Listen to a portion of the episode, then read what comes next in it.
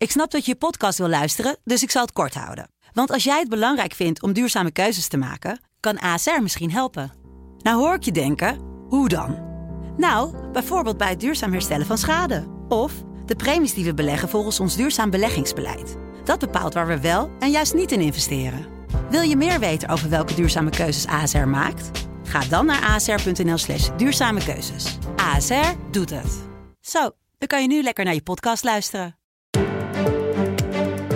Dit is de politieke podcast van de Telegraaf.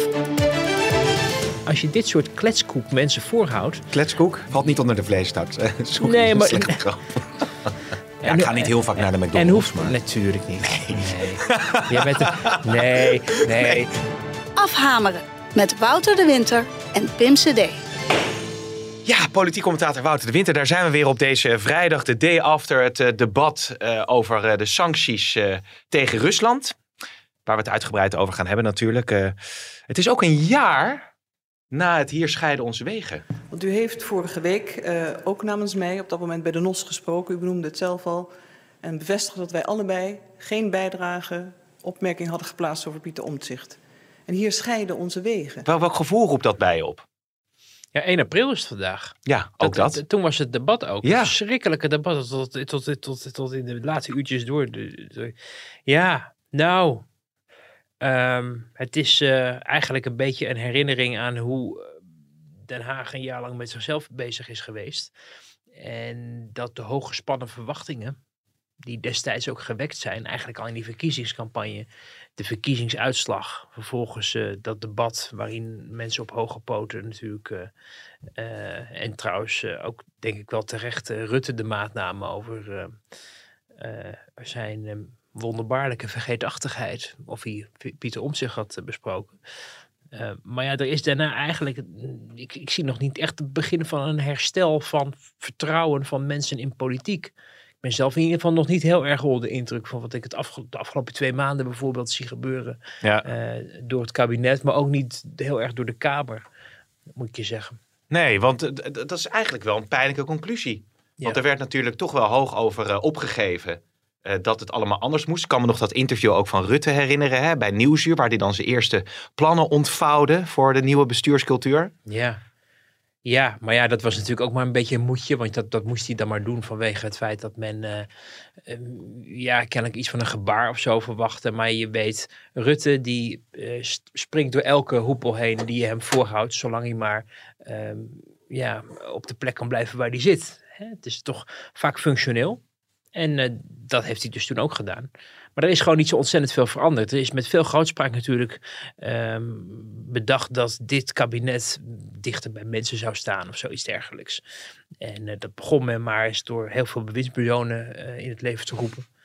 Maar is dat nou echt, heeft dat nou het verschil gemaakt? Tot nu toe zie je ze eigenlijk vooral over elkaar praten, over Hm. elkaars portefeuille praten of naar elkaars portefeuille verwijzen. Zoals in het debat over, over de sancties, wat natuurlijk gisteren was. Eh, maar voor de rest, eh, ja, ik zit echt, echt oprecht. Ja, misschien. Als ik Ah. nou even iets ik, positiefs. ben, ik ben nou benieuwd waar je mee nou komt. ja, er, ik vind dat er, Ernst Kuipers heeft wel rust gebracht en vertrouwen gebracht op een dossier. Misschien alleen een beetje aan de late kant. Het is ook misschien makkelijk praten, omdat Ja. het hele corona-dossier nu toch een stuk minder belangrijk lijkt dan bijvoorbeeld een half jaar geleden, of eigenlijk de afgelopen twee jaar. Maar sinds hij daar zit, is daar wel een eh, ja, bepaalde vorm van vertrouwen. En trouwens ook natuurlijk wel dankzij de meewinst die hij ook kreeg in het eh, corona-dossier met de eh, minder eh, grote eh, ja, schade die de Omicron-variant aanricht. Ja, maar dat, dat roept toch de interessante vraag op. Kuipers is een heel nieuw gezicht. Hè? Had er toch niet, eh, om in voetbaljargon te blijven, doorgeselecteerd eh, moeten worden? De afgelopen eh, Oh, Dan dinsdag. moet je me even helpen, Pim. Want Nou ja, dat je zegt. oh, verwar je me met Valentijn Dries. ja, ja, maar die had nooit dat positieve punt gehad. Hè? Dus Mm. wat dat betreft wordt hij vaak Oh. als zeer zuur bestempeld. Oh. Maar het nieuwe kabinet is aangetreden. Het zou met nieuw elan allemaal plaatsvinden.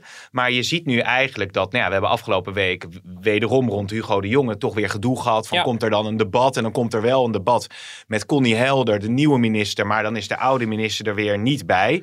Hoekstra en Kaag dan de, de, de wissel van, van portefeuille. Eh, kun je dan wel... Maar wat is dan doorselecteren? Nou, dat je er gewoon nieuwe poppetjes neerzet. Ja, maar er zijn een heleboel nieuwe poppetjes. Ja, maar zijn er genoeg nieuwe poppetjes? Of had je niet moeten zeggen, Hugo de Jonge bijvoorbeeld, of die wissel hè, tussen Kaag en Hoekstra? Nou, ik, ik denk wel dat het CDA, en daarmee ook eigenlijk ook wel de coalitie, maar het was niet echt een coalitieding. Hè. De bewindspersonen worden uitgezocht door de verschillende politieke partijen zelf. En daar hebben ze eigenlijk over elkaar ook niet echt iets te zeggen. Want als je dat gaat doen, dan, dan, nou, dan heeft D66 ook nog wel wat wensen over de ChristenUnie misschien. En de CU wil dan ook misschien het liefst een andere premier. En dat wordt allemaal een Hmm. beetje ingewikkeld. Maar ehm, de erfenis die Hugo de Jonge nog met zich meezeult uit die coronacrisis. En de impact die dat kan hebben op de huidige bewindspersonen, maar ook op eh, nou ja, misschien ook de portefeuille die je nu gaat bestieren de komende jaren, volkshuisvesting. Ehm, dat hij dezelfde modus operandi hanteert als hij in de coronacrisis heeft laten zien. Hè, van de man on the moon en, Mhm. en het toch over promise en under deliver-achtige eh, elementen. Eh, dat men onvoldoende rekening heeft gehouden dat dat nog wel eens hem eh, in die ass kan bijten, zullen we maar even Ja, zeggen. ja. In, de, in, de, Staart. in, in goed Amerikaans eh, kan. Engels. Ja. Namelijk, want, want dat, is- dat is nu wel wat je ziet. Hè? Hij, hij beschikt over kennis en ook een duidelijke opvatting over wat er destijds allemaal gebeurd is. Ik denk ook wel dat we, daar heb ik toevallig in mijn column ook wel iets over geschreven, eh, maar dat we in het OVV-rapport, wat toevallig vandaag omarmd zal worden door het kabinet. Maar ja, wat hadden ze anders kunnen doen? Nee, we zijn het er niet mee eens dat het een puinhoop was. Nou ja, Hugo de Jonge heeft zich natuurlijk wel eh, redelijk fel geageerd op bepaalde bevindingen. Zeker, zeker. Alleen hij uiteindelijk is dan toch maar één persoon in een Ja. ministerraad. Ja. Bovendien niet meer verantwoordelijk voor de portefeuille. En hij gaat dus niet, hij wil dus niet over zijn eigen graf regeren. Hoor je ook van mensen in, eh, in het kabinet die ook echt merken van hij houdt zijn mond. Eigenlijk als het over volksgezondheid gaat of om Ernst Kuipers bij te vallen. Mhm. Nou, op zich verstandig. Maar dat neemt niet weg dat hij over zijn legacy, over wat hij daar heeft neergezet de afgelopen twee jaar, daar nog wel echt een mening over heeft. En Ja. die houdt hij nu voor zich omdat het ongepast is om daar iets over te zeggen, omdat hij er niet meer over gaat. Maar dat zag je dus ontsporen in dat, in dat oploopje na die ra- rapportage van eh, de Volkskrant over de, de appjes, eh, over de, de Siebert-deal. Eh, maar er zijn ook over het OVV-rapport echt wel, ik ben daar afgelopen weekend ook eens ingedoken en we hebben dus rondgevraagd in het kabinet, maar ook bij de OVV en nog wat andere mensen die daarbij betrokken waren. En dan hoor je toch van nou, om nou te zeggen dat het een heel diepgravend onderzoek. Het was meer een Mm. soort samenvatting van alles wat, wat we eigenlijk al wisten. Eh, en daar vooral heel erg verwijtend ook wel richting de minister. En die minister, die dus nu, de jongen die dus nu over iets anders gaat, heeft het idee dat, hij, dat hem daarmee, nou, dat, dat daar onrecht wordt Ja. aangedaan. Dat men niet ehm, voldoende moeite heeft gedaan om ook bijvoorbeeld ehm, ja, te kijken naar de actuele situatie op het moment. In plaats van nu Ja. met de wijsheid van achteraf eh, redeneren. En, en, en die frustratie zit er en die borrelt. En die komt, denk ik, naar buiten tijdens de eh, parlementaire enquête. Want dan mag en moet Hugo de Jonge onder Ede alles vertellen wat hij te vertellen heeft. En ook zich ook van zich af zal hij bijten, denk ik. eh, voor, voor datgene wat, waarvan hij vindt dat, hij, dat hem ten onrechte dingen worden verweten. Maar we krijgen de komende week natuurlijk een debat over eh, die mondkapjesdeal met Connie Helder, minister voor Medische Zorg, waar we nog helemaal niets van gezien hebben.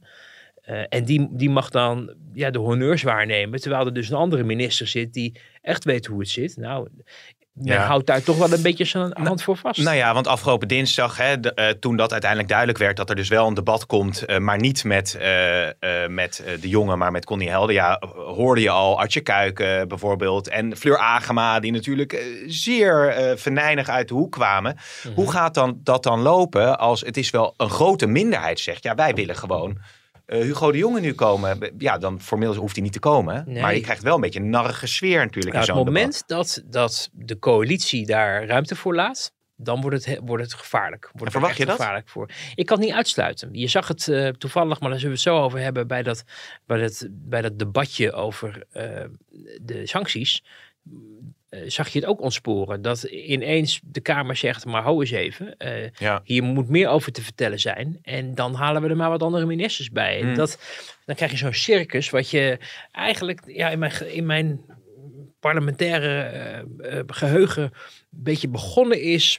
Tenminste sinds ik daar, want dat gebeurde misschien vroeger ook wel. Maar in het debat van, de, ik geloof 2006, voor de paspoortaffaire van Ayaan Hirsi Ali. Toen was er ook zo'n moment dat er geen goede antwoorden gegeven werden, vond de Kamer. En toen zeiden ze, we vragen Gerrit Salm, de vicepremier en op dat moment ook een machtig VVD-politicus. Maar, en die moet dan maar naar de Kamer komen. En die was zoals het hebben, een beetje betaamd. Rond die tijd al, al aardig in de, hoe noem je dat, in de olie? Zit Ja, je in de olie? ja, ik- Ja, zit je in de olie. Weer zo'n lekker oud-Nederlandse uitdrukking voor de liefhebbers. En die zijn er, eh, wereldwijd weet ik toevallig. Ehm, in de olie. En die komt, hallo, wat gezellig. Oh zal ja, ik hier gaan staan? Zal ik daar gaan staan voorzitten? Wil die eerst wil die achter het katheder gaan staan van Oh, de Kamer. nee. Toen moest hij teruggestuurd worden naar vak K. Want ja, hij was helemaal geen Kamerlid, dus hij hoort niet achter het katheder. Kortom, ehm, dat werd een circus. Dat debat duurde ook allemaal heel lang. Nou, het, uiteindelijk viel ook eh, het, het kabinet eh, eh, een tijdje later daar, daar, daaromtrent. Maar je merkt wel dat, dat de oppositiepartijen de smaak te pakken hebben. En ook ingegeven door de nieuwe bestuurscultuur. Hè, dat er meer dualisme moet zijn. Wij laten ons niet alles maar wijsmaken door dat kabinet. Hup, laat ze maar naar de Kamer komen Ja. en het allemaal Ja. uitleggen. En dat wordt nu een beetje gewoonte. En Ja. dat zag je met het sanctiedebat. Daar gaan we het straks over hebben. Maar dat ga je, moet je niet uitsluiten dat dat bijvoorbeeld bij de mondkapjesdeal gaat gebeuren. Maar ook bij allerlei andere debatten. Ook omdat er zo ontzettend veel bewindspersonen zijn. Mm. Dus als je 29 mensen hebt die ergens voor Ja, verantwoordelijk en veel zijn. fracties natuurlijk, die zich ook allemaal willen laten Ook gelden. dat. En dan heb je natuurlijk wel meerderheden nodig om mensen dan te ontbieden om naar de Kamer te komen. Maar het is ook wel weer onfatsoenlijk als de hele oppositie het wil. Dat je dan als coalitie gaat zeggen wij willen het niet. Terwijl ook in jouw partij mensen zeggen ja laat Hugo de Jong het maar uitkomen leggen Mm. dan. Want Mm. waarom eh, denk je dat ze bij de VVD erop zitten te wachten? Dat Connie Helder eh, Ja. misschien wel het zwaarste debat gaat krijgen in haar, in haar ministerschap. Om, om iets wat destijds allemaal door Hugo de Jonge met een CDA... Met, eh, met wat app, appverkeer. ja, dus dat, dat, dat wordt allemaal best kwetsbaar. En ik, ik denk wel dat je dat de komende tijd vaker, eh, of de komende jaren vaker kan gaan zien. En dat je dan je moet afvragen van, was dit nou ook de bedoeling? Want Ja, het beeld wat toch blijft hangen bij mensen als ze dat zien, sowieso eh, zijn veel mensen al klaar met die mondkapjesdeal vanwege die ellendige miljoenen die ermee eh, verdiend zijn. Eh, maar ook wel met corona, met Hugo de Jonge, met het CDA, met die hele eh, tijd. En hebben daar weinig geduld voor en incasseringsvermogen. Vervolgens zien ze dat in ja, de Kamer iedereen elkaar de maat neemt en de tent uitvecht. Dat geeft natuurlijk ook niet een goed beeld van de politiek Nee. in Nederland. dus, dus, dus die nieuwe bestuurscultuur, die, die leidt uiteindelijk tot een eh, opgehitste Kamer. Ik chargeer even, die Mhm. het eh, kabinet eh, voortdurend op de vingers tikt, of wel niet meer, als er dingen in hun ogen niet passen in hoe politiek gevoerd zou moeten worden. je, je hebt, ik heb wel een beetje het idee, maar daar hadden we het volgens mij vorige week ook al een beetje over. Dat er een soort idee, mensen worden niet meer geloofd. Eh, De, de, Nee. Ministers staan in vak K en staatssecretarissen om eh, verslag te doen. En de Kamer denkt, ja, je kan me nog meer vertellen. We vragen wel een collega van je, want die weet het vast beter. Of, eh, ja, dat zegt u nu wel, maar ik wil toch een nieuwe brief. Hè? Dat wilde Caroline van der Plas dan over die... eh, vermeende afluisterpraktijken, of nou, niet afluisterpraktijk is een verkeerd woord. eh dat is wat zij eigenlijk suggereert, dat het afluisterpraktijken zouden zijn. Ja, dat, dat is maar goed. Dan moeten de mensen die dat, die dat niet begrijpen... Luister die de podcast vooral terug. vorige week Ja. toch even terugluisteren. Maar, maar, maar dat is een beetje het idee. Er is een voortdurende, eh, voortdurend ja, gevoel van wantrouwen. En dat is ook aan de ene kant gezond, maar aan de andere kant ja, erodeert het ook het vertrouwen in de politiek in den brede, denk ik. En dat heeft eh, ook het kabinet ook aan zichzelf te Ja. danken. Hè? Want als je de, de, de dingen ziet gebeuren, eh, ook nu weer met, ehm, eh, met- de manier waarop de toeslagaffaire wordt, wordt aangepakt, dan zie je gewoon dat er eigenlijk voortdurend teleurstelling te verwerken valt. Ja. Ook voor het parlement. En het parlement wordt daar nukkig over.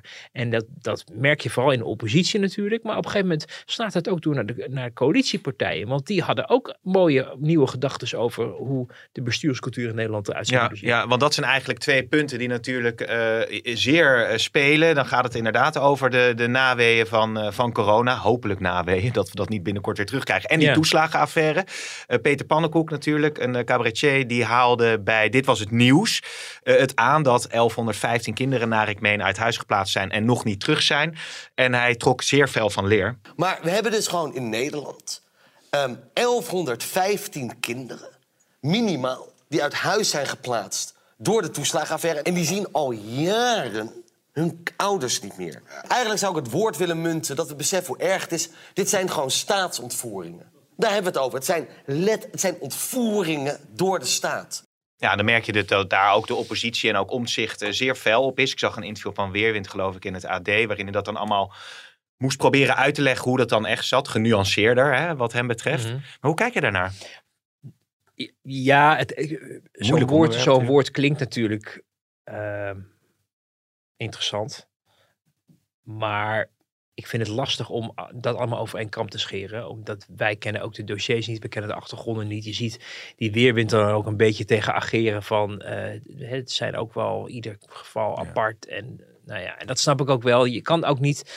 Dat is ook met de toeslagaffaire trouwens. Op een gegeven moment een soort generieke eh, eh, eh, overmaking van geld... afgekondigd in het katshuis, waar zelfs Pieter Omtzigt nog boos over was. Omdat hij zei, ja, daar krijgen ook allemaal mensen die er geen recht op hebben. Het is wel allemaal gemeenschapsgeld. Dus je moet altijd heel erg oppassen om alles over een kam te scheren. Maar het is evident dat daar een heleboel dingen nog achterlopen. En dat het verwachtingspatroon dat destijds is gecreëerd, want een kabinet valt. En nu gaan we er echt wat aan doen of zoiets dergelijks. En dat het dan met een, als met een toverstafje binnen een jaar of twee is opgelost. En nu zie je eigenlijk wekelijks nog berichten over alle ellende. Niet alleen over, de, over, de, eh, over kinderen die dan uit huis zijn geplaatst. Maar ook over sowieso compensatie van mensen. En het Mm. afwikkelen van dossiers. Of de achtergronden hè, met de, de, de, de, manier waarop op, op ja, discriminatoire wijze eh, selectie werd gemaakt over welke mensen erbij door de Belastingdienst in de gaten moesten worden gehouden. En wij denken in Nederland dat dat op het moment dat het is geconstateerd, dat dan ook de oplossing zich onmiddellijk heeft aangediend en Hmm. dat dat dus ook heel snel geregeld is. En dan blijkt de praktijk weer barstiger. En het lukt eh, de politiek niet in een brede om het verwachtingspatroon wat dat betreft realistisch te houden. Ja. Uh, en dan heb je op zo'n moment iemand nodig, ook op zo'n uh, ministerspost, die een verhaal kan houden. Dat je denkt, nou ja, een soort Kuipers heb je eigenlijk nodig. Mm. Die met verstand van zaken zegt, ik, ik begrijp dat u boos bent en ik begrijp dat dit niet kan. En ik doe er alles aan en dit is wat we hebben gedaan. Maar die ook, ook qua communicatie mensen het gevoel geeft dat hij er bovenop zit, of zij. Uh, en dat zie je op dit dossier natuurlijk niet. Nee, maar het is natuurlijk ook zo dat de samenleving dat eigenlijk niet meer kan aanhoren van, nou ja, we zijn ermee bezig. Hè, het duurt misschien nog even. Het ligt allemaal genuanceerder. Ja. Het beeld wat ook Peter Pannenkoek schetst is gewoon, er zijn ja. uh, meer dan duizend kinderen die zijn door die toeslagenaffaire uit huis gezet. En die moeten weer terug naar hun ouders. Ja, dat zo kan je het heel overzichtelijk brengen. Niet, maar ik, ja. ik, weet niet of je, of je, of je het, het doe Vecht je niet maar eens tegen als kabinet. Ook dat, ja, vecht, daar heb je gelijk in. Je kan dat beeld bijna niet meer corrigeren. En dat snap ik wel. Maar ik vind ook wel dat we er nog steeds wel iets van mogen vinden. Als iemand generaliserend vanuit een positie, hè, een cabaretier die zegt: Ik noem het zo en zo is het. En, en, en dat is dan de maat der dingen. Ik weet niet of dat nou weer de bedoeling is. Nee. Ik denk wel dat je dan. Hè, cabaretiers die houden ook Nederland scherp door ongemakkelijke dingen te verkondigen. En het is ook heel goed en gezond dat de journalisten dat doen. Uh, en alle andere mensen met een grote mond.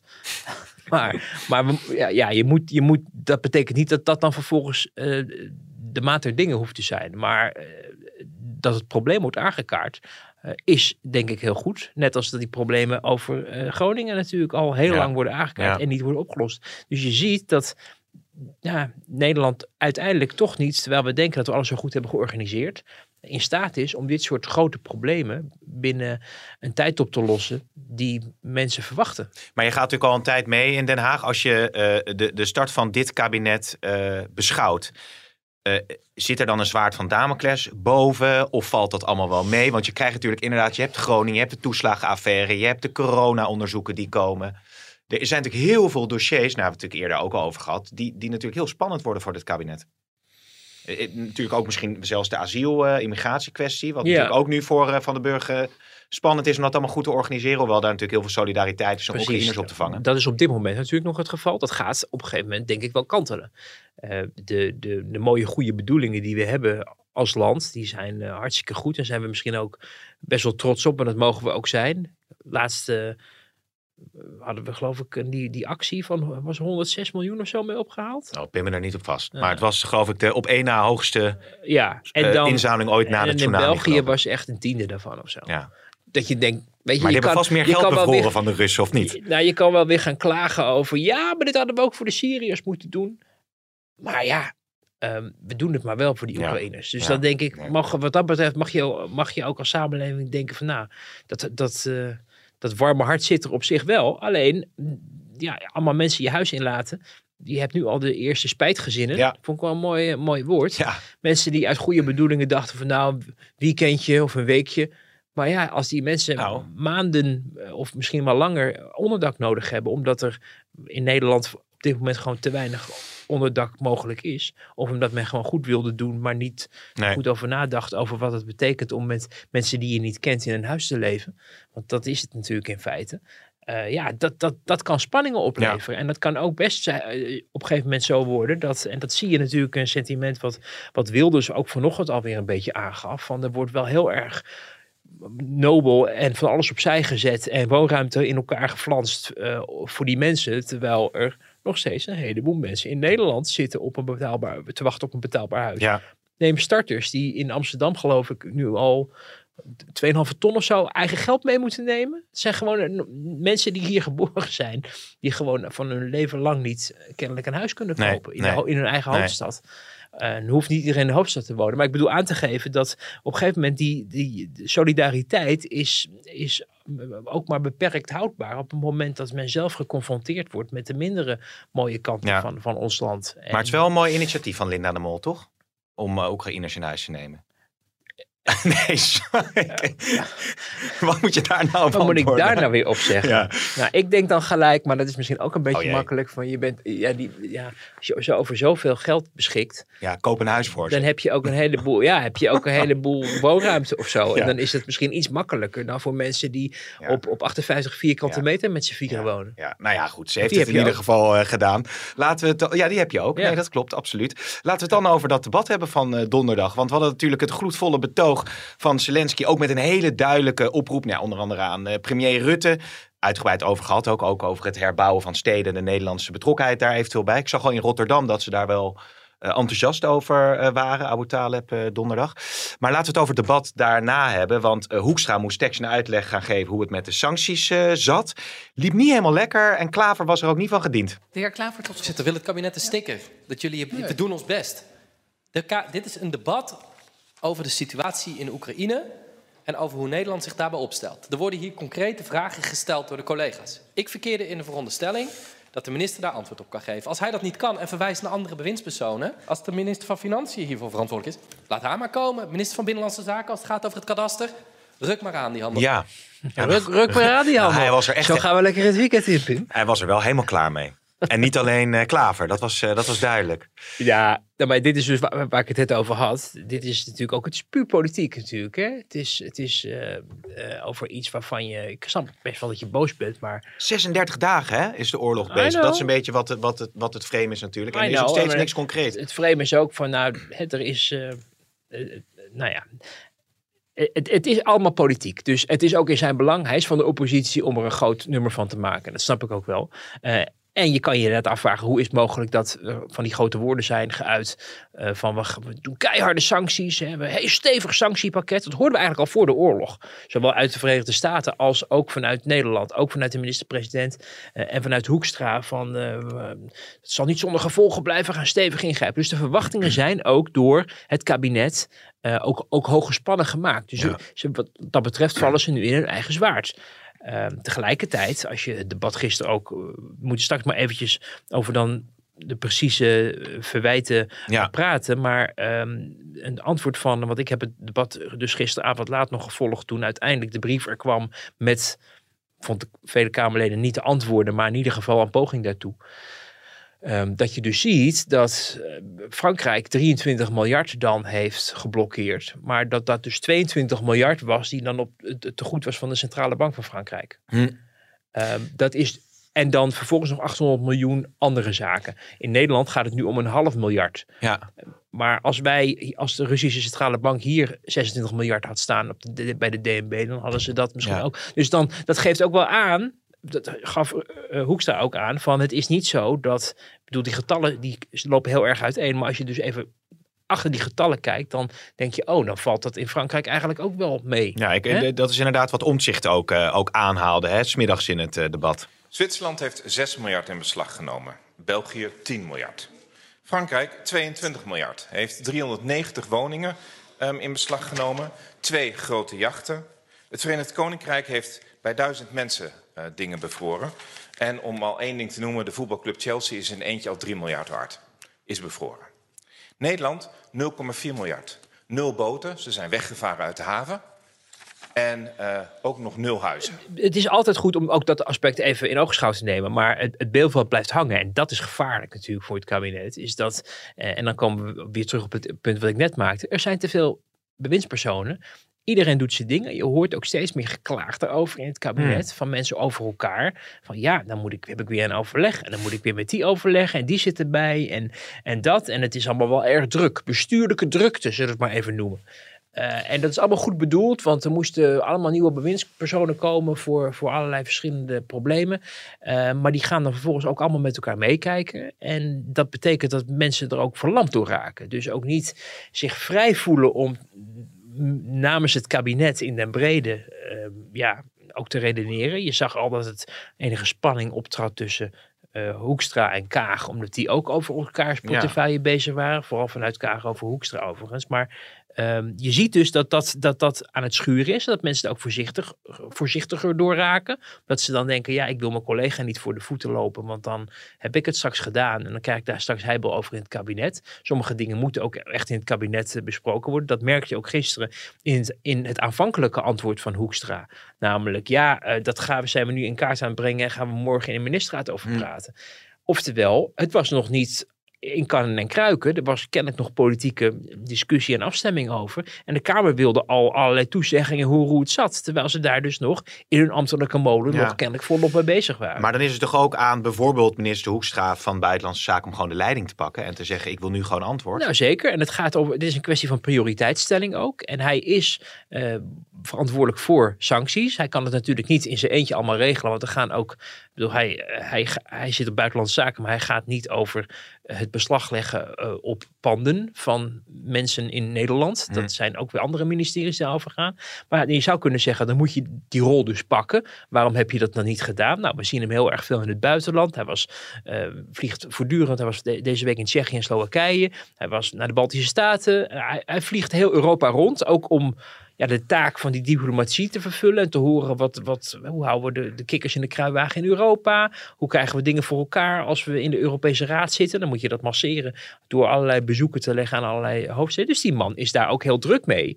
En is misschien iets te veel daar druk mee geweest dan zich te realiseren dat die andere verantwoordelijkheid ook nog bij mhm. zijn werk lag. Of dat hij dat bijvoorbeeld met Liesje Schrijnemacher, de notabene de minister voor Buitenlandse Handel, als het over sancties gaat, zou je daar toch best wel draakvlakken verwachten. Om te zeggen dat dit is iets nieuws dit is toch wel weer een beetje eh, terug naar de tekentafel, wat hij ook zelf heeft gezegd. Ja. Maar misschien moeten we nu door de actuele situatie en de druk die dat ook legt op het kabinet en misschien dat we onze plannen moeten aanpassen, geeft, bestaat niet alleen maar uit het weghalen van geld bij het ene en ergens anders naartoe schuiven, maar ook op een ja, misschien een herinrichting van wat is op dit moment nu echt belangrijk en wat vinden we wat minder belangrijk. Maar daar heb je toch ook de ministerraad voor om dat dan met elkaar af te tikken? Ja, precies. Dus daar zouden ze het bijvoorbeeld vandaag ook heel goed over kunnen hebben van hoe gaan we dit varkentje nou wassen? Hmm. Want wat duidelijk is, is dat men het, het, debat totaal heeft onderschat. Ja. Men dacht, ja. die Zelensky gaat het verhaal houden. Uh, dat verhaal wordt waarschijnlijk niet verrassend, want dat hebben we al in verschillende andere hoofdsteden hebben we, uh, hebben we dat zien plaatsvinden. En vervolgens is er een soort beleefdheids debatje. Het was ook maar gepland om één termijn te kennen. Ja. Eén termijn is dan meer uitspreken van uh, we moeten uh, solidair zijn met de Oekraïners en we danken de heer Zelensky voor zijn krachtige optreden. Uh -huh. En dan vervolgens mag gaat minister van Buitenlandse Zaken ook zeggen dat uh, we de lijnen kort houden met Kiev. En dat, zo dachten ze dat in het kabinet het debat zou gaan. Maar die Kamer die denkt nou... Uh, er valt nog best wel wat te, te, ja. te, bepraten. Want we horen wel berichten over dat allerlei sancties nog niet zijn uh, doorgevoerd. Nee. En allerlei mediaberichten ook erover. Dus die nemen ineens Hoekstra de maat. En nou, daar waren ze totaal niet op voorbereid. Nee. Dus dan zie je het ineens helemaal ontsporen. En dan zie je ook dat, eh, dat ja, Hoekstra dan ook best wel met zijn mond vol tanden staat. En ook op dat moment niet over de politieke handigheid beschikt. Nee. Om dit in goede banen te leiden. En dat is op zich natuurlijk ook wel ontluisterend. Hè? Dat is, ik vraag me af hoe het was gegaan als Rutte er had gestaan. Ja, want wat viel je daaraan op dat hij eigenlijk zei, nou eh, inderdaad morgen, volgende week, hebben we het er verder over, dat hij het eerst probeerde weg te masseren en dat hij daar gewoon niet mee wegkwam? Precies, ja, dat, dat, dat was heel, dat is een beetje verschuilen achter toch de ambtelijke beslismolen die, we, die we kennen in Nederland. Van nou, een ambtenaar schrijft een notitie en dan gaat het naar zijn, naar zijn leidinggevende en die gaat het weer terug en dan gaat het de lijn in. En dan de Ja. lijn, dat is dat het nog allerlei, allerlei andere mensen gaat op het departement en dan komt het in de tas bij de bewindspersoon, tas. Dat is die grote koffers. ja, nee, ik zie er wat eh, Ja, bij, en dan, ga, en dan ja. krijgt de bewindspersoon, die rijdt s'avonds naar huis en die kijkt in zo'n nota en die denkt, oh ja, er staat spelfout in, dat is niet goed, en dat wil ik anders. En ik schrijf met rode krabbels weer wat op terug. Gaat de minister de spelfouten eruit, Ook ja? dat, oh ja, zeker. Oh ja, serieus? Maar goed, die- zou te zeggen dat er daar wel een ambtenaar bij kan om gewoon even te zorgen dat Nou, er ze geen staan, ze staan ook wel eens bij ons in de krant, Pim, dus we hoeven daar niet te doen alsof... alsof Maar niet in jouw column, Wouter, toch? Eh, ik heb je er niet vaak op eh, betrapt, eh, eigenlijk nooit. Nee. Eh, ik heb wel... Nee, je hebt gelijk, Pim, nooit. Ja, nee. Maar oké, ehm, dus, dus ehm, ehm, dat, gaat allemaal veel, dat duurt allemaal veel te lang. En men is dan toch te veel bezig met andere zaken dan met datgene wat de Kamer op dat moment opportun vindt. Dus Ja. de Kamer heeft wat dat betreft hier het kabinet gewoon beter te overvallen. Eh, maar de, hand, de politieke handigheid op zo'n moment, bij zoiets onverwachts, moet je dan wel hebben. En je zag dat, dat Hoekstra daar niet in slaagde. Misschien tegen wil en dank, omdat hij wist dat er op dat moment nog eh, oneenigheid was in het kabinet, waardoor hij ook geen kant op kon. Hm. Hè, dat weten we natuurlijk niet. Ehm, maar je vraagt je wel af, doe- ik denk als Kager had gestaan, had het niet veel beter gelopen, Nee. het debat. Als Rutte het had gedaan, denk ik wel, omdat hij ook omdat politieke minister- handigheid Ja, natuurlijk. politieke handigheid, maar ook omdat hij, eh, omdat hij natuurlijk als minister-president Zijn gewicht ook- in de strijd kan Juist, die heeft wel Ja. iets meer leverage dat hij kan zeggen van u heeft gelijk, we gaan het zo doen. En dan hebben de mensen in het kabinet op het Ja. gegeven moment ook maar te aanvaarden. Ja, nog één interessant punt erover. Want jij zei eigenlijk, er is geklaagd dat er te veel bewindspersonen zijn. Hè? Als je nou eh, de, de, de ministers en de staatssecretaris op een rijtje zet, zou, zou je dan een streep door eh, een paar kunnen zetten? Of is dat iets te direct? En we moeten ook nog een column schrijven. Oh eh, ja, dinsdag. oké. Oh, dat is, een- ik geef nog voorzetje eh, daarover. Nou ja, weet je, het is, ehm, Nou, tipje van de sluier dan. het is, het is wel een beetje. Ehm, kijk, sommige mensen, daar is er geen twijfel over dat ze hard werken. De minister van Justitie, de minister-president, de minister van Financiën. Eh, ik denk ook dat de minister van, de, van Buitenlandse Zaken op dit moment niet heel veel vrije tijd heeft. Heb ik zelf ook kunnen meemaken toen ik met hem meeging. Eh, maar je ziet dat ook wel, dat die agenda wel druk is. Bovendien hebben zowel Kaag als eh, Hoekstra en trouwens ook Rutte ook nog een partij te leiden. Dus we, ho- we hoeven niet ons de illusie te maken dat die mensen niet hard werken. Ja. Maar goed, er is een minister voor stikstof. Mhm. Dat je denkt, wat doet die eigenlijk de hele dag? Ehm, er, zijn, eh, er is een staatssecretaris op Binnenlandse Zaken. We zagen het toevallig van de week in de Kamer. En denk, oh ja, die is er ook nog. Ja. Dat moment heb ik meestal overigens bij Prinsjes, of eh, de- bij de algemene beschouwingen. Want dan zetten ze in het hele vak zetten ze ze allemaal neer. Op, aan de voorste rij dan de belangrijke ministers. En dan op de achterste rij op de bijzetstoeltjes zitten dan de staatssecretarissen. Ja. En dan zie je ineens, zag je daar in, tijdens Rutte 3, dacht je van, oh ja, die is ook nog in functie. Dat is toch ook, want daar hoor je nooit wat, Nee, zie je nooit wat nee. over. En het is ook echt, dat weet ik ook uit, uit eerdere jaren. Sommige bewindspersonen hebben het niet zo ontzettend druk. Die hebben gewoon ge- lege middagen en zo. Ja. In vroege tijden gingen mensen wel eens gewoon op woensdagmiddag naar huis. Omdat het, Oh ja? het week voor de, het werk Echt waar? zat erop voor de rest van Lekker de week. baantje dan. Ja, maar dat was omdat er ja, politiek niet zoveel spannends Nee, gebeurde op dat ik moest moment. denken aan eh, het jaar van Fortuyn, die serie. Fortuyn pleit volgens mij voor een kleiner eh, kabinet. Oké, ik heb die serie niet Nee, nee, gezien. nee, maar goed. Het was interessant om, om te zien trouwens. Maar goed, staat helemaal op, op NPO Start in elk geval. Dan gaan we naar een ander onderwerp, namelijk de vleestaks. Minister Henk Staghouwer van Landbouw, die wil de, de, de vleestaks, of gaat onderzoek doen of die al dan niet moet worden ingevoerd. Het leidde meteen tot de nodige commotie. En Lientje, hè, Caroline van der Plas, die reageerde als volgt. in een tijd dat de energieprijzen door het dak gaan, dat de prijs van voedsel enorm aan het stijgen is, dat mensen hun rekeningen niet meer kunnen betalen. En wat je dan doet als kabinet, dan denk je, weet je wat wij gaan doen? We gaan kijken of we een vleestaks kunnen invoeren. Nou, dat lijkt me een verschrikkelijk slecht plan.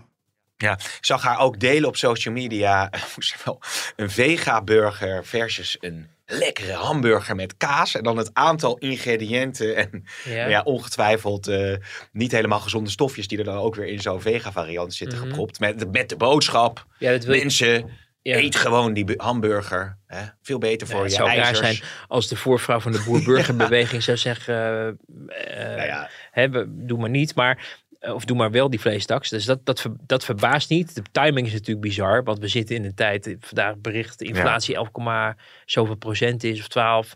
Het is, eh, het is echt onorthodox. En de schade daarvan eh, zullen we misschien nog niet vandaag, hoewel je aan de pomp natuurlijk al, al, al veel betaalt. Maar dat, dat gaat natuurlijk zich ook verdisconteren in eh, de, de prijzen van verpakkingsmateriaal in de supermarkt. Dus Ja. dingen worden duurder, mensen gaan dat steeds meer merken. En dat je dan uit kabinet eh, op eigen houtje denkt, weet je wat, we gooien er nog een extra belasting bovenop. Dan heb je in ieder geval niet heel erg De veel feeling met, met het dagelijks leven, denk ik. Van Hoe is dat dan gegaan? Hoe kan dat nou? Dat dat dan in één keer vanuit het kabinet eh, de wereld Nou ingeslingerd ja, er wordt. ook- het- dat, dat zag je ook op andere terreinen deze week gebeuren. Daar zitten ambtenaren. Die zitten eh, soms ook omdat ze dat zelf belangrijk vinden. Of omdat de minister tegen hen zegt van zoek dat eens uit of zo. En er was, eh, was ook een, een, een verhaal deze week wat eh, Leon Brandsma had geschreven. Over, over een voorstel wat minister Kaag dan had gekregen vanuit haar ambtelijke hofhouding. Namelijk adviseer mensen maar om de verwarming op 17 graden te Ja. zetten. En een, en een trui aan te trekken. En ze hadden ook al een manier bedacht over hoe ze het wilden verkopen. Namelijk, dan zeggen we solidariteit met Oekraïne. Nou, weet je, mensen, mensen zijn natuurlijk niet gek. En als je dit, als je dit soort kletskoek mensen voorhoudt, Kletskoek dan, dan valt niet onder de vleestaks. Sorry, Nee, maar- grap. nou ja, nee, ik kom er even op, Wouter. Ik weet dat er zeker luister- luisteraars zijn die mijn flauwe humor niet kunnen waarderen. Maar laten we wel wezen, in de Telegraaf, ik heb de hamvraag, wat ik allemaal voorbij heb zien ja, komen. gehakt om ergens van maken. Ja, precies. Ja. dit suddert nog wel even door. Nee, dat is waar. Je hebt gelijk. Eh, maar, maar, nee, maar ik probeer nu ik Sorry, namelijk eh, Wouter. Ja. kwijt wat ik Ja, waar ik ik. Maar je, eh, dit moet ik mezelf weer herpakken. Maar je, je ziet gewoon, je ziet gewoon dat er een, een ehm, eh, ja, af en toe gewoon wereldvreemde ideeën circuleren op zo'n departement. Die, die dan het licht zien en die dan ook heel ontijdig overkomen. Ook omdat mensen geen maatschappelijke antenne hebben of geen, eh, geen politieke antenne. Dat is iets wat wel vaker in de ambtenarij natuurlijk eh, gebeurd is de afgelopen decennia. Dus dat is niet zo verbazingwekkend. En dan is het dus aan de politieke leiding om te zeggen, nou dat gaan we eens even niet doen. Nou, Staghouwer schijnt dit kennelijk wel een goed idee te vinden. Het is ook een wens die wel bij ook, volgens mij hebben ook D66 was volgens mij ook voorstander van zoiets. Ja, volgens mij wel, ja. Uh, maar VVD en, en, en, CDA die zien het natuurlijk niet zitten. Uh, en dat denk ik ook niet dat het gaat gebeuren. Maar er is ook nog iets anders wat, wat een hele belangrijke rol speelt. Uh, en dat is. En dat zie je eigenlijk sinds de coronacrisis ons leven ingeslopen. Namelijk dat de overheid de smaak te pakken heeft gekregen met het beïnvloeden van ons leven. Wij vonden het een tijdje, ook tegen wil en dank natuurlijk, maar een beetje vanzelfsprekend worden dat de overheid ons ging vertellen hoe laat we thuis moesten zijn met een mm. avondklok. Dat mm. we eigenlijk ook maar een injectie moesten nemen om naar een café te gaan of naar een ding, of je moest je laten testen of wat dan ook. De, de, de bemoeienis van de overheid, en ik ga hier niet de, de, het vaccinatiegekkie met de QR-codes uh, vlag wapperen, maar de vanzelfsprekendheid dat een overheid zich bemoeit met het leven van haar mensen, het dagelijks leven met hun keuzes, Um, daar moeten we denk ik wel wat tegenwicht tegen bieden weer. Want ze hebben in Den Haag de smaak wat dat betreft te pakken. Op het moment dat je een pandemie uh, te lijf moet gaan, snap ik dat je moet proberen om die volksgezondheid uh, te beschermen en daar ook mensen een bepaalde beperkingen op te leggen. Maar dit gaat, in feite mogen mensen zelf weten of ze vlees eten ja. en of ze ongezond willen leven. Kunnen we het niet zo leuk vinden als samenleving? Uh, maar het is wel een vrije keuze. En je ziet nu wel dat de vanzelfsprekendheid dat de overheid maar even zogenaamd adviseert om dit te doen. De overheid heeft zich helemaal niet te bemoeien met hoe warm jij de verwarming thuis aan wil hebben. En al helemaal niet over waar Albert Heijn of Jumbo, op welke plek in de winkel zij de, de, oh ja. de meer, gaan meer, neerleggen. meer, meer vega Want dat moet dan kennelijk ergens in de kelder straks gelegd worden. Omdat minister Staggeraar heeft bedacht dat we de Falesburgers op ooghoogte moeten plaatsen. Ja. En maar dat soort bemoeienis ja. is ongezond ja. en on-Nederlands. En je ziet dat, dat de vanzelfsprekendheid van, van, van dat soort dingen maar goedkeuren tot en met de, de, de de, de, de papieren koffiebekers, want die mogen dus niet meer van een plastic laagje van binnen voorzien zijn, want dan uh, is dat milieuonvriendelijk. Ja. Dus moeten geen, mogen geen wegwerp uh, koffie meer, bekers meer krijgen. Nou, heb jij wel eens een milkshake van McDonald's besteld en dan met zo'n met zo'n kartonnen rietje proberen op te, te slurpen? Ja, zeker. Ja. Ja, ik ga niet heel vaak naar de McDonald's, maar... Natuurlijk niet. Nee. Jij bent nee, nee, nee, Pim, jij bent net zo iemand. Jij werkt natuurlijk voor die televisie ook. Ja, en dan ben oh je god, zo daar gaan we iemand, het, hoor. Iemand en dan vraag je van, goh, heb je dit gisteren gezien? Nee, ik kijk heel weinig tv. Nee, nee, nee. Flikker op, echt waar. Ik ben er zo echt totaal klaar wat- mee. wat- wat- Al die televisiesterren Nou, die zeggen, nou, oh nou, nee, nou, ik, nou. Kijk, ik kijk echt heel erg weinig Maar- maar jij bent meer op die, tv dan ik, Of hè? die poli dat is sowieso niet waar. Oh, nee. en, die, en die politici die dan ook gaan roepen van, van ja, nee, ik ben echt helemaal niet op, op Twitter aan het kijken. En ik, ook niet naar talkshows Nee, en nee. dingen. Terwijl ze met, met één ding bezig Nou, zijn. Beeldvorming en peilingen. Ik, ik, ik, kijk wel, ik, kijk wel op Twitter, dat klopt. En ik eh, kijk ook televisie heel veel. Eh, maar ik ga niet vaak naar de McDonald's. Ja, dat is nou eenmaal Nee, maar zo. ik bedoelde ze zeggen, heb je wel eens geprobeerd een milkshake ik, ik snap met wat je bedoelt met die rietjes die dan zo helemaal, slurpen? helemaal verfrommelen Het is- en nat het worden. is en zo. verschrikkelijk. Ja. Het, is, Ja. het, is gewoon, het is gewoon niet te doen. Dus, dus, maar goed, misschien dat het ooit nog evolueert. Maar Met duurt, bamboe of zo. het duurt wel erg lang. Maar, maar, één, één punt nog heel veel daarover, want toch even advocaat van de duivel. Als je nou eh, zegt van nou, we, we conformeren ons als Nederlands kabinet aan het terugdringen van de CO2-uitstoot. Eh, dat heeft natuurlijk ook te maken met de veestapel. De verhouding is nu geloof ik 60-40 procent vleesconsumptie versus eh, niet vleesconsumptie. Dat willen we het, terug- omdraaien. het terugdringen van die, van die, van die, eh, van die megastallen en die CO2-uitstoot uitstoot heeft voor een belangrijk deel te maken, of misschien wel het grootste deel te maken, met het feit dat wij eh, produceren voor de rest van de Ja, wereld. dat- dat is het is niet voor Ja. eigen gebruik. Nee, De- nee. de- de- het leeuwendeel gaat de grens over. Dus als jij dat wil terugduwen, is dat, is dat normaal. Maar dan betekent niet dat daarmee eh, mensen die in in Groningen-West wonen of in, in, in,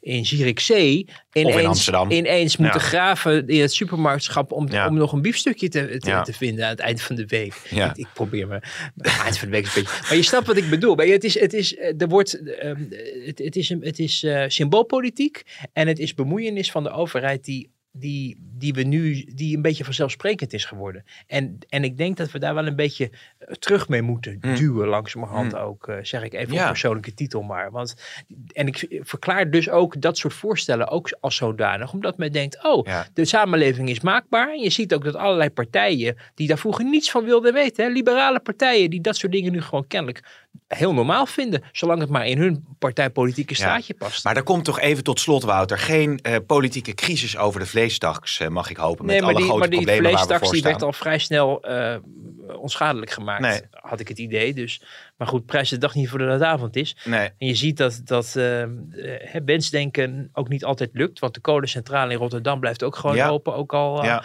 eh, was die al gesloten verklaard. Eh, maar goed, welke repercussies dat weer zal hebben.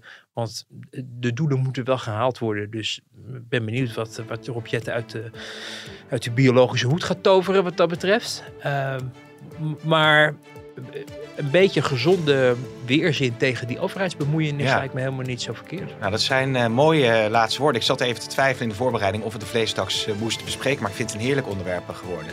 Om je vingers bij af te likken. Oh my god. Oké, tot Oké, volgende Wouter, week. tot volgende week.